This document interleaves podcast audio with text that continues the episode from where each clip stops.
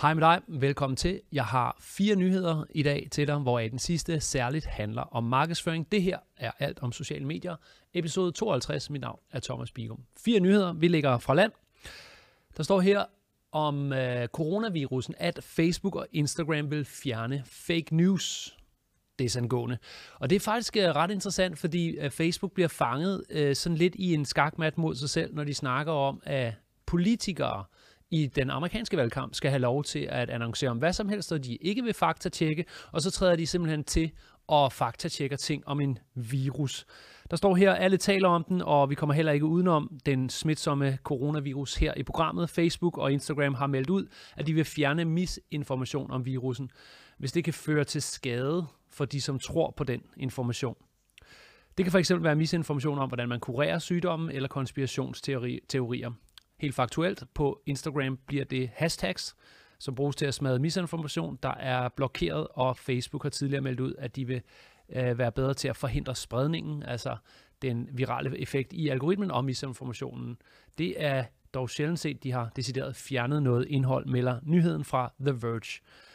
Um, sådan som øh, landet ligger nu, er øh, jeg er helt sikker på, at den, den her sag vil være en brik, der bliver fundet frem senere igen, når der er der engang skal diskuteres øh, misinformation i valgkampen. For øh, ja, jeg vil ønske, at jeg havde Facebook ved siden af mig til at udtale sig om, hvordan det kan være, at de har det OK med at arbejde med det her, men er ligeglade med præsident Trumps kampagne, som jeg så en anden nyhed øh, redegøre for, at der lige nu florerede 38 forskellige annoncer med noget, som faktatjekmæssigt faktisk ikke så ud til at holde vand. Det er 38 annoncer, der bare kører øh, små videoklip med, med simpelthen falsk, falskheder i sig, med løgne decideret.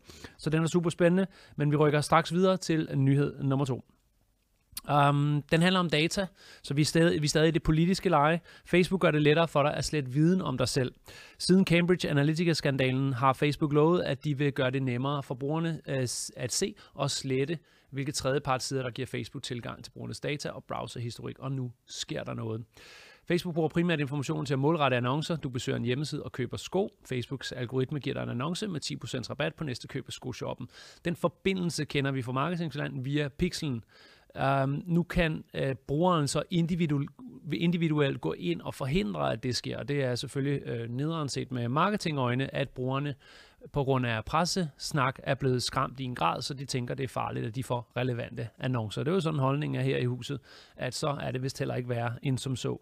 Nej, det er den forrige nyhed, der er det slemme. Det er løgnene, at vi kan ramme forbrugere med reklamer for sko, når de er øh, i markedet for at købe sko, tænker jeg stille og roligt ikke er så slemt. You may quote me on that one. Det er We Are Social Media, der har uh, berettet om nyheden. Jeg lægger linket til hele historien i kommentaren, og der bliver skrevet vidt og bredt om samme historie. Det tager dig ikke længe via Google at finde noget på den, og også finde instruktionen til, hvordan man gør. Så har vi en kort om emojis, og efter den er det øh, annoncer på TikTok som den sidste nyhed. Vi tager lige emojis. Der er kommet øh, nye emojis i markedet.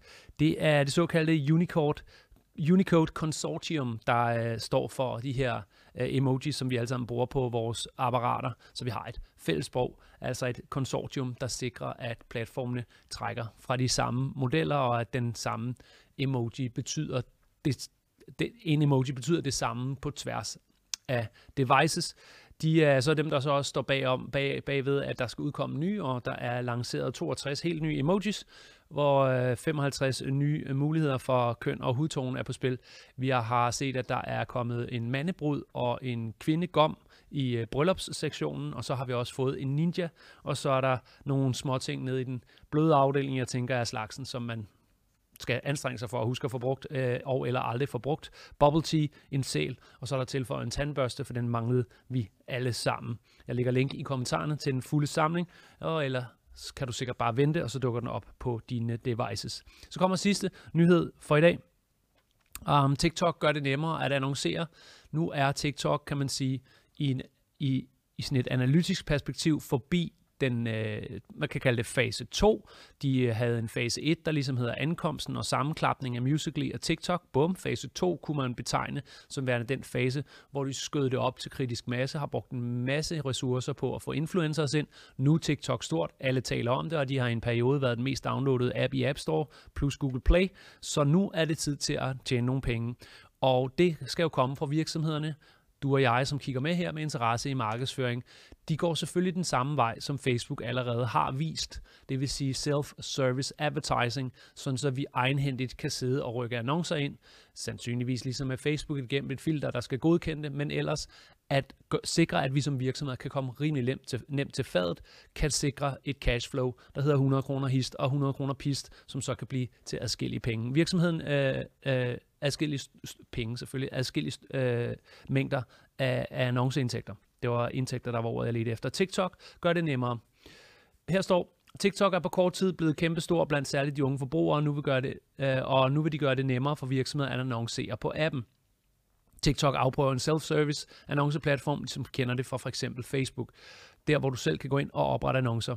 Beta-versionen, øh, beta det er i første omgang en beta-version, men er indtil videre blevet modtaget godt blandt de annoncører, der har fået lov at afprøve den. Den skulle være nem at, af, at bruge, undskyld, men mangler også flere muligheder for målretning, lyder det.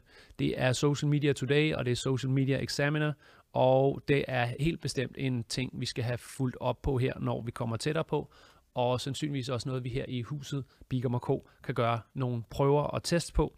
Særligt, hvad er det jo at nævne som svip med halen på den? At det også i den henseende øh, med TikTok handler lidt om den målgruppe, man vil ramme. Det er ikke alle, der skal springe op af stolen nu, i og med at TikTok er en platform, der primært bliver brugt blandt teenager og endda også præ-teenager. Og det er langt nede at hente sin målgruppe på, og kan således ikke altid være interessant for alle brands, altid og evigt. Men øh, Instagram er, står i historiebogen som en platform, der var ung til at starte med, blev mainstream og gælder øh, til brug i alle aldersklasser. Snapchat til dels den samme historie. Ung til at starte med, trækker længere op i aldersgrupperne, så TikTok vil formentlig tage samme rejse, hvad angår segmenterne, der benytter appen. Og det vil sige, at man i det her år kan øh, ligge og lege med platformen og prøve lidt, at prøve en, en 100 kroner seddel, en 500 kroner seddel, en 1000 kroner seddel, hist og pist, se hvad der sker, og så være, kan man sige, klar, eller allerede være oppe på skinner, øh, når hvis det bliver et når, men når den brede midte trækker ind, fordi efter øh, præ-teenager og teenager er inde, så plejer det at komme til 20'erne, øh, influencerne, og så kommer kvinder i 30'erne og 40'erne. Når de er der, så kommer mænd ind og kigger lidt, og så er det ellers øh, måske præcis den samme historie skrevet, som både Facebook skrev, Instagram skrev og Snapchat skrev. Vi får se. Det var uh, alt, hvad vi havde i uh, episode 52 af det her format. Husk at følge os på Facebook i Bigum K, hvis du vil have samtlige nyheder med, og marker at du vil se nyheder som notifikation, fordi det, der kommer fra Bigum K's Facebook-page, er det her.